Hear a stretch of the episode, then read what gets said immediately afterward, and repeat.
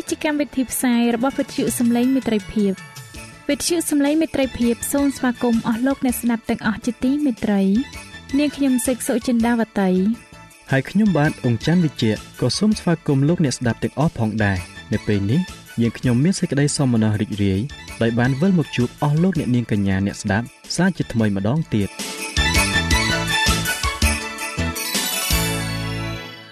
នាងខ្ញុំសេកសុចិន្តាវតី សូមជម្រាបជូនកម្មវិធីផ្សាយដែលមានជាបន្តបន្ទាប់ដូចតទៅនេតិជួបជាមួយព្រះបន្ទូលនេតិសុខភាពចា៎លោកអ្នកស្ដាប់ជាទីមេត្រី នាងខ្ញុំសូមគោរពអញ្ជើញអស់លោកលោកស្រីអ្នកនាងកញ្ញាតាមដានស្ដាប់កម្មវិធីផ្សាយរបស់វិទ្យុយើងខ្ញុំដូចតទៅ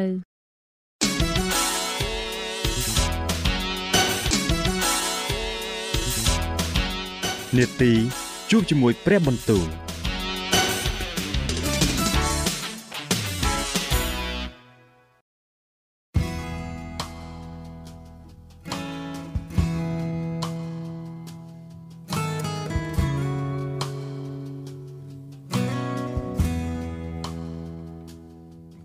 ចាអស់លោកអ្នកស្ដាប់ជាទីមេត្រី ជាដំបូងនាងខ្ញុំសូមអញ្ជើញលោកអ្នកនាងស្ដាប់នេតិជួបជាមួយព្រះបន្ទូល នេតិនេះនឹងលើកយកព្រះបន្ទូលពីព្រះគម្ពីរទំនុកដង្កើងដែលនឹងជម្រាបជូនដល់លោកអង្ចាន់វិជ្ជៈដូចតទៅ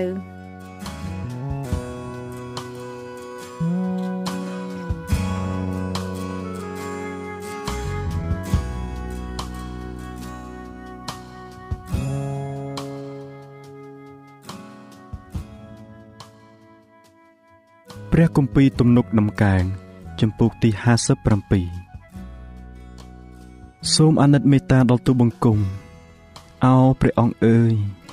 សូមអាណិតមេត្តាទូបង្គំផងពីព្រោះព្រលឹងទូបង្គំពឹងនៅក្នុងទ្រង់អាទូបង្គំជ្រកនៅក្រោមម្លប់នៃស្លាបទ្រង់ដល់រាបដល់សេចក្តីអន្តរាយទាំងនេះបានបាត់ទៅ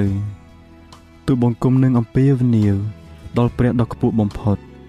គឺដល់ព្រះដែលទ្រង់សម្រេចគ្រប់ការឲ្យទូលបង្គំ កាលណាមនុស្សដែលចង់លេបបំបត្តិទូលបង្គំ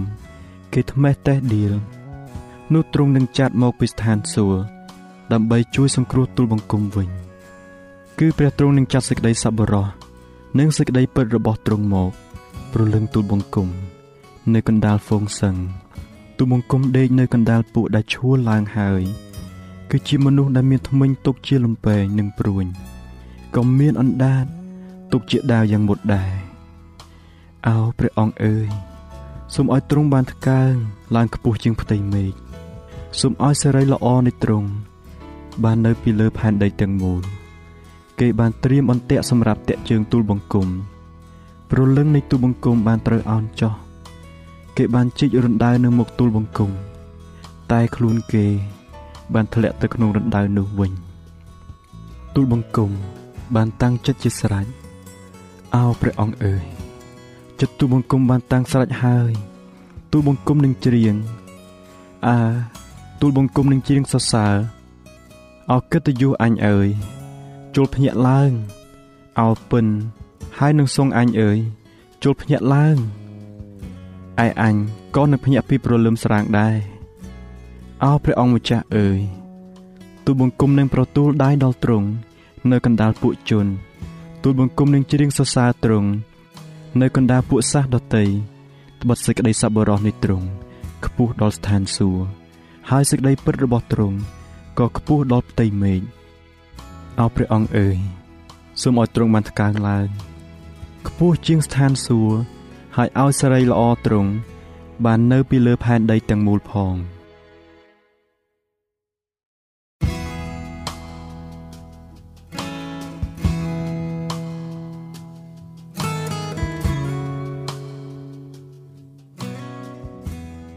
ព្រះគម្ពីរទំនុកដំកើងចំពុកទី58តើពិតជាអ្នករាល់គ្នាពោលសេចក្តីសុចរិតដោយនៅតែស្ងៀមដូច្នេះឬណែមនុស្សជាតិអើយតើអ្នករាល់គ្នាវិនិច្ឆ័យដោយទៀងត្រង់ពិតឬមិនមែនទេ គឺនៅក្នុងចិត្តអ្នករាល់គ្នាប្រព្រឹត្តតែសេចក្តីអាក្រក់ទៅទេ ហើយនៅក្នុងស្រុកនោះក៏ថ្លឹងឲ្យមានការច្រឡោតដែលដៃអ្នករាល់គ្នាធ្វើវិញឯពួកមនុស្សអាក្រក់ គេជាអ្នកដតី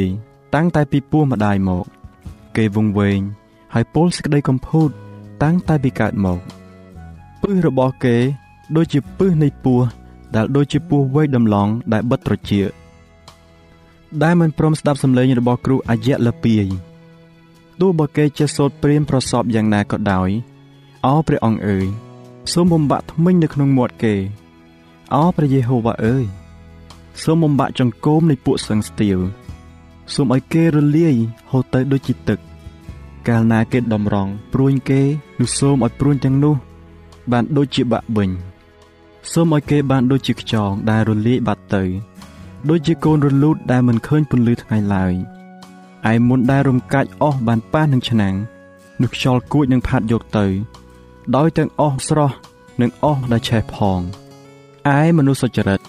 គេនឹងមានសេចក្តីអំណរដោយឃើញសេចក្តីសងសឹកគេនឹងលៀងជើងក្នុងឈាមនៃមនុស្សអាក្រក់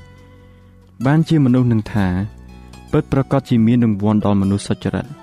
ពិតប្រកបជាមានព្រះមួយអង្គដែលវិនិច្ឆ័យនៅផែនដីដែរ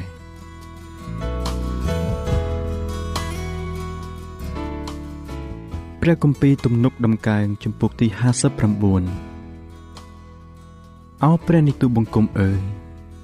សូមទ្រង់ជួយឲ្យទូបង្គំរួចពីពួកខ្មាំងសត្រូវសូមការពារឲ្យរួចពីពួកអ្នកដែលលើកគ្នាទាស់នឹងទូបង្គំសូមជួយទូបង្គំឲ្យរួចពីពួកអ្នកដែលប្រព្រឹត្តអាក្រក់ហើយសង្គ្រោះទូលបង្គំឲ្យរួចពីមនុស្សដែលកំចាយឈាមត្បិតមើល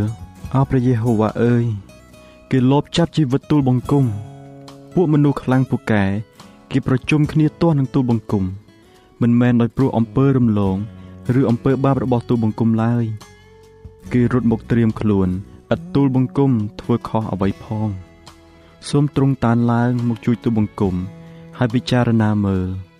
អោព្រះយេហូវ៉ាជាព្រះនៃពួកពលបរិវារគឺជាព្រះនៃសាសអ៊ីស្រាអែលអើយ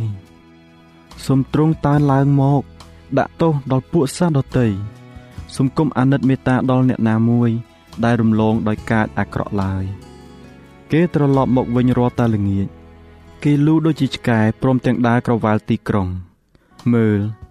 គេភើចេញមកពីមាត់គេក៏មានដាវនៅបបោមាត់ត្បិតគេថាតើមានអ្នកណានឹងលឺតែអោព្រះយេហូវ៉ាអើយទ្រង់នឹងសើចលឲ្យគេទ្រង់នឹងចំអកឲ្យពូសាសដតីទាំងអស់ផងហេតុដោយព្រោះគេមានកម្លាំងខ្លាំងបានជាទូបង្គំសម្លឹងមើលដល់ទ្រង់ ត្បិតព្រះទ្រង់ជាប៉មយ៉ាងខ្ពស់នៃទូលបង្គំព្រះនៃទូលបង្គំទ្រង់នឹងយាងមកប្រោះដោយសេចក្តីសប្បុរសនៃទ្រង់ទ្រង់នឹងឲ្យទូលបង្គំឃើញបំណងចិត្តធ្លាក់លើពួកខ្មាំងសត្រូវរបស់ទូលបង្គំសូមគុំសម្លាប់គេក្រែងរាទូលបង្គំភ្លេចតែអោព្រះអង្គម្ចាស់ដ៏ជាខែលើយើងខ្ញុំអើយសូមកំចាត់កំចាយគេ ដោយព្រះចេស្តាទ្រង់ហើយទម្លាក់គេចោះវិញ សូមឲ្យគេជាប់ទោស ដោយសេចក្តីអំនួតរបស់គេ ដោយព្រោះបាបរបស់មាត់គេ និងពាក្យដែលចេញពីបបោមាត់ព្រមទាំងសេចក្តីបណ្ដាសា និងសេចក្តីភូតផលដែលគេពោលនោះផងសូមបំផ្លាញគេ ដោយសេចក្តីក្រោធរបស់ទ្រង់សូមបំផ្លាញគេ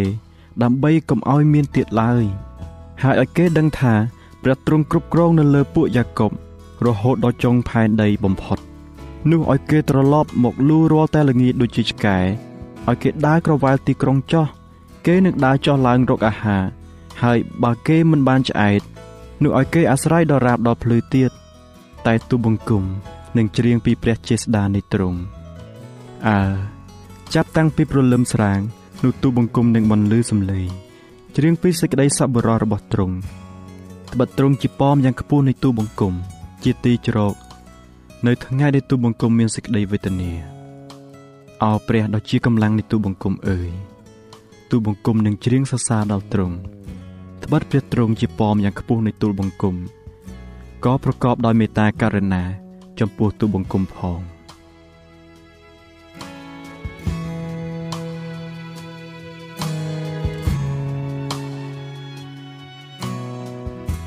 ចា៎ប្រិយមិត្តអ្នកស្ដាប់ជាទីមេត្រី ដោយពេលវេលាមានកំណត់ យើងខ្ញុំសូមផ្អាកនាទីជប់ជាមួយព្រឹបបន្ទូលនេះត្រឹមតែប៉ុណ្ណេះសិនចុះដោយសន្យាថានឹងលើកយកនីតិនេះមកជម្រាបជូនជាបន្តទៀតនៅថ្ងៃស្អែកសូមអរគុណ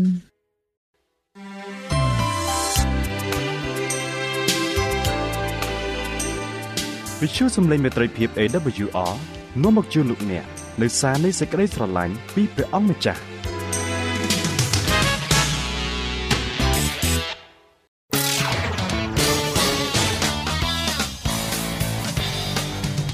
សូមជូននីតិសុខភាព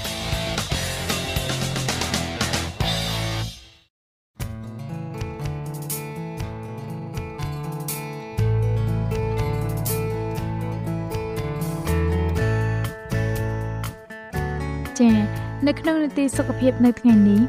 នាងខ្ញុំសូមគោរពអញ្ជើញអស់លោកអ្នកនាងតាមដានស្ដាប់មេរៀនសុខភាពដែលនឹងជម្រាបជូនដោយកញ្ញាឌីណាដូចតទៅ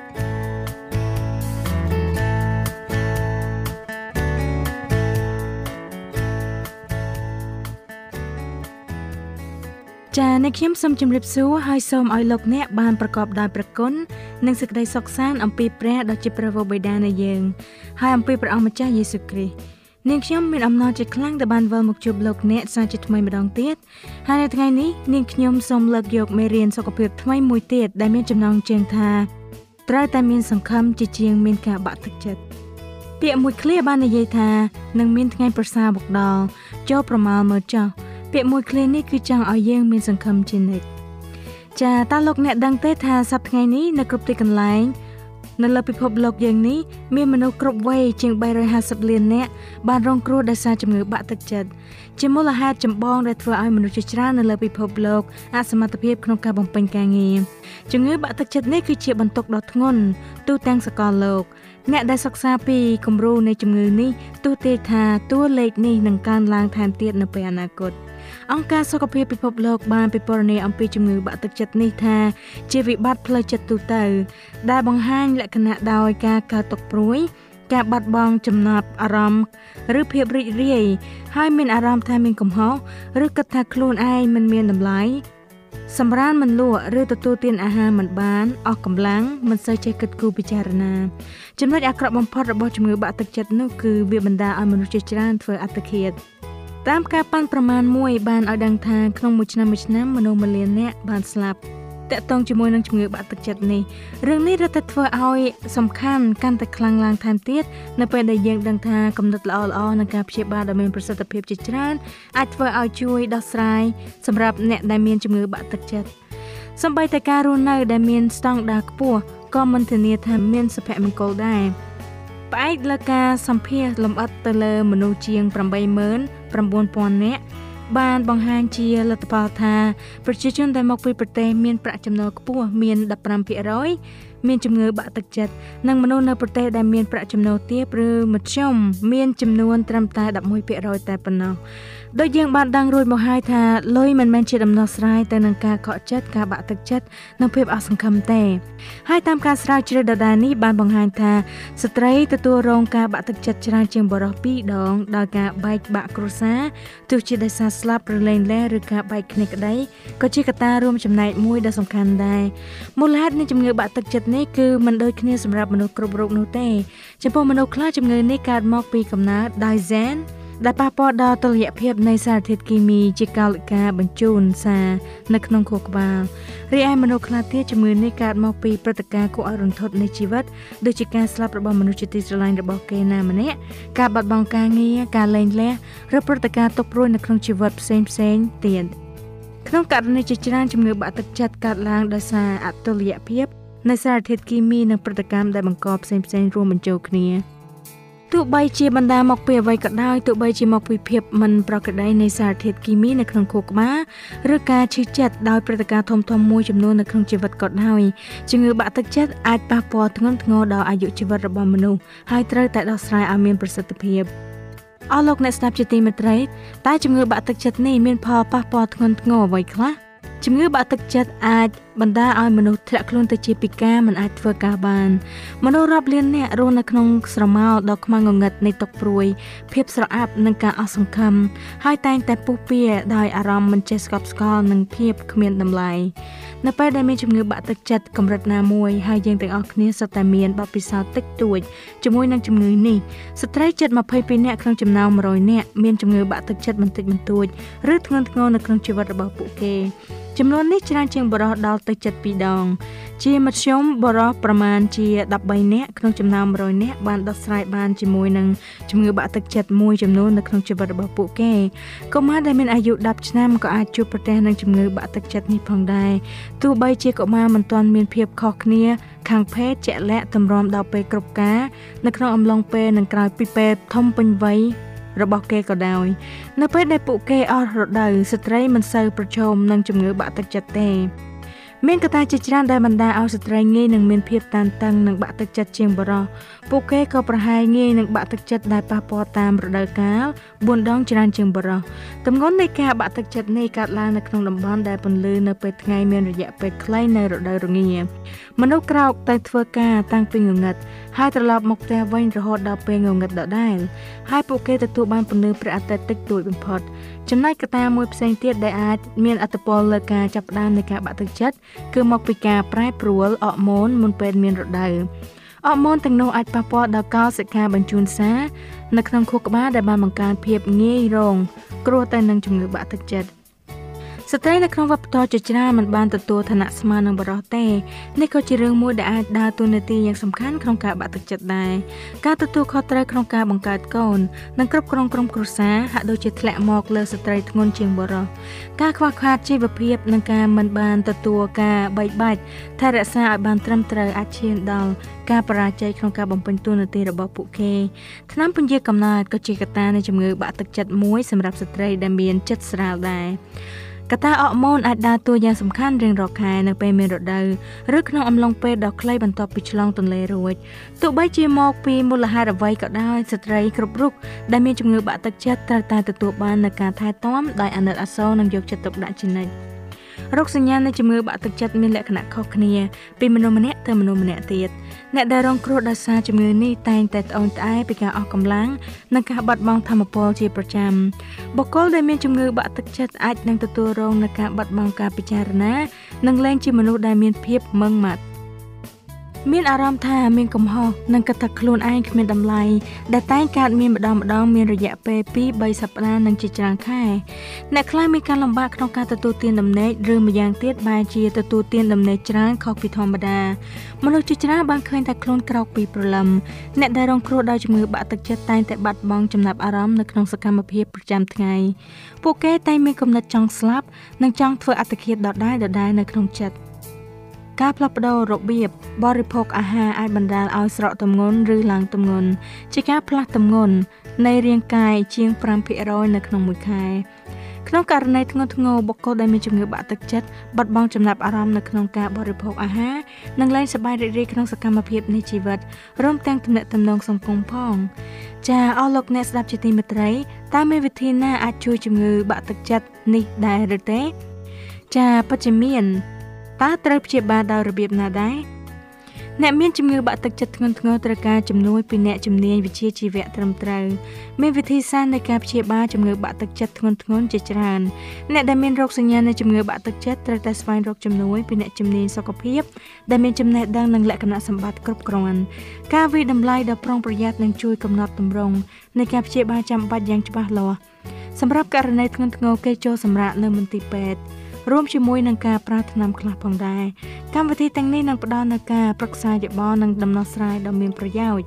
ជំងឺបាក់ទឹកចិត្តបន្តិចបន្តួចដែលកើតមានឡើងចំពោះបុរសនិងស្ត្រីតែងតែអាចបាត់ទៅវិញដោយកម្មវិធីហាត់ប្រាណប៉ុណ្ណោះ សាលាវិទ្យាសាស្ត្រ Harvard បានរាយការណ៍ពីព័ត៌មានដែលបានលើកទឹកចិត្តមួយចំនួនស្ដីអំពីដំណោះស្រាយជាមួយនឹងជំងឺបាក់ទឹកចិត្តការពិនិត្យឡើងវិញនៃការសិក្សាតាំងពីឆ្នាំ1981បានសន្និដ្ឋានថាការហាត់ប្រាណទៀងទាត់អាចបង្កើនអារម្មណ៍ស្រស់ថ្លាចំពោះអ្នកដែលមានជំងឺបាក់ទឹកចិត្តកម្រិតស្រាលឲ្យកាន់តែប្រសើរឡើង និងអាចដើរតួយ៉ាងសំខាន់ក្នុងការព្យាបាលជំងឺបាក់ទឹកចិត្តដ៏ធ្ងន់ធ្ងរ របាយការណ៍នេះបានបញ្ជាក់បន្ថែមទៀតថាការសិក្សាដែលបានចុះផ្សាយនៅក្នុងសៀវភៅ Archives of International Medicine បានធ្វើឲ្យអ្នកជំងឺបាក់ទឹកចិត្តចំនួន156នាក់ចូលហាត់ប្រាណក្នុងកម្មវិធីហាត់ប្រាណដែលអាចស្រូបខ្យល់អាកាស នៅក្នុងការកត់សម្គាល់16សប្តាហ៍មនុស្ស60ទៅ70%ក្នុងក្រុមទាំង3มันមានជំងឺបាក់ទឹកចិត្តធ្ងន់ធ្ងរទៀតទេ ការសិក្សាមួយដែលបានចុះផ្សាយនៅឆ្នាំ2005បានរកឃើញថាការដើរលឿនប្រមាណ35នាទីក្នុងមួយថ្ងៃហើយ5ដងក្នុងមួយសប្តាហ៍ឬ60នាទីក្នុងមួយថ្ងៃ3ដងក្នុងមួយសប្តាហ៍ហាក់ដូចជាជួយសម្រួលដល់អ្នកដែលមានរោគសញ្ញានៃជំងឺបាក់ទឹកចិត្តជាមធ្យមទៅស្រាល ប្រសិនបើអ្នកកំពុងមានអារម្មណ៍ធ្លាក់ចុះសូមចេញទៅខាងក្រៅដើរយកខ្យល់អាកាសហើយដកដង្ហើមវែងវែងខណៈដែលអ្នកកំពុងធ្វើដូច្នេះសូមគិតពិចារណាទៅលើសេចក្តីល្អរបស់ព្រះជាម្ចាស់ហើយទូលសូមឲ្យទ្រង់បំពេញចិត្តអ្នកដោយគំនិតវិជ្ជមានចាអស់លោកអ្នកស្ដាប់ជាទីមេត្រី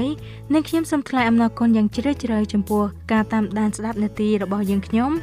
នាទីសុខភាពបានមកដល់ទីបញ្ចប់ហើយនៅក្នុងនាទីសុខភាពរបស់យើងខ្ញុំលើកក្រោយ នាងខ្ញុំនឹងជម្រាបជូនពីកត្តាមួយចំនួន ដែលជួយដល់ការបាក់ទឹកចិត្តជាបន្តទៅទៀតសូមព្រះជាម្ចាស់ប្រទានពរដល់អស់លោកអ្នកឲ្យមានសុខភាពល្អគ្រប់គ្រប់គ្នាយើងនឹងជួបគ្នាតាមពេលវេលានិងម៉ោងដដែលចាពេលនេះនាងខ្ញុំឌីណាសូមអរគុណសូមជម្រាបលា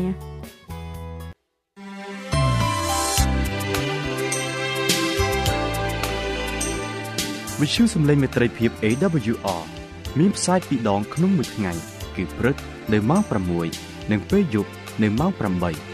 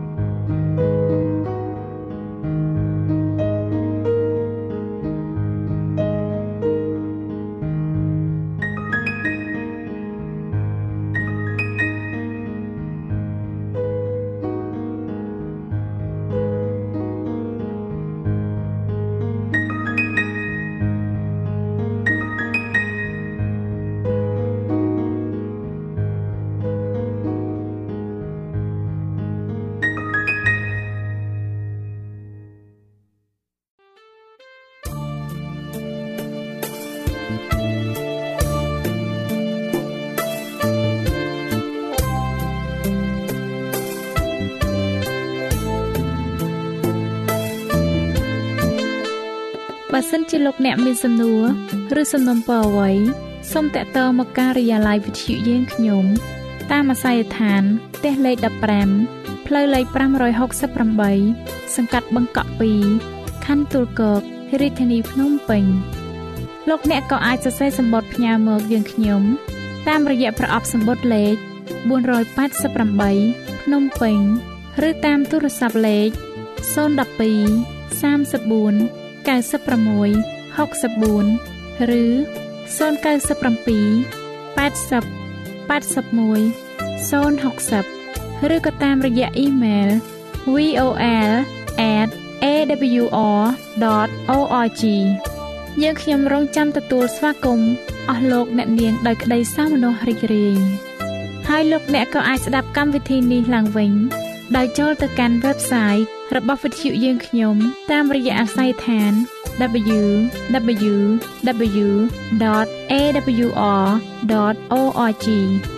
លោកអ្នកនាងកញ្ញាជាទីមេត្រី កម្មវិធីផ្សាយរបស់វិទ្យុសំឡេងមេត្រីភាពនៅពេលនេះសូមបញ្ចប់តែប៉ុណ្ណេះយើងខ្ញុំសូមអរគុណចំពោះការតាមដានស្ដាប់របស់អស់លោកអ្នកតាំងពីដើមរហូតដល់ចប់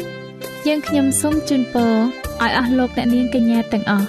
បានចម្រើនឡើងក្នុងព្រះគុណព្រះអង្គម្ចាស់ ហើយក្នុងការទទួលយកព្រះយេស៊ូវគ្រីស្ទជាព្រះអង្គម្ចាស់និងជាព្រះអង្គសង្គ្រោះនៃយើងរាល់គ្នានាទីផ្សាយរបស់វិទ្យុយើងខ្ញុំនឹងវិលមកជួបអស់លោកអ្នកសាជាថ្មីម្ដងទៀតនៅថ្ងៃស្អែកវេលាម៉ោងដដែលនាងខ្ញុំសេកសុចិន្តាវតី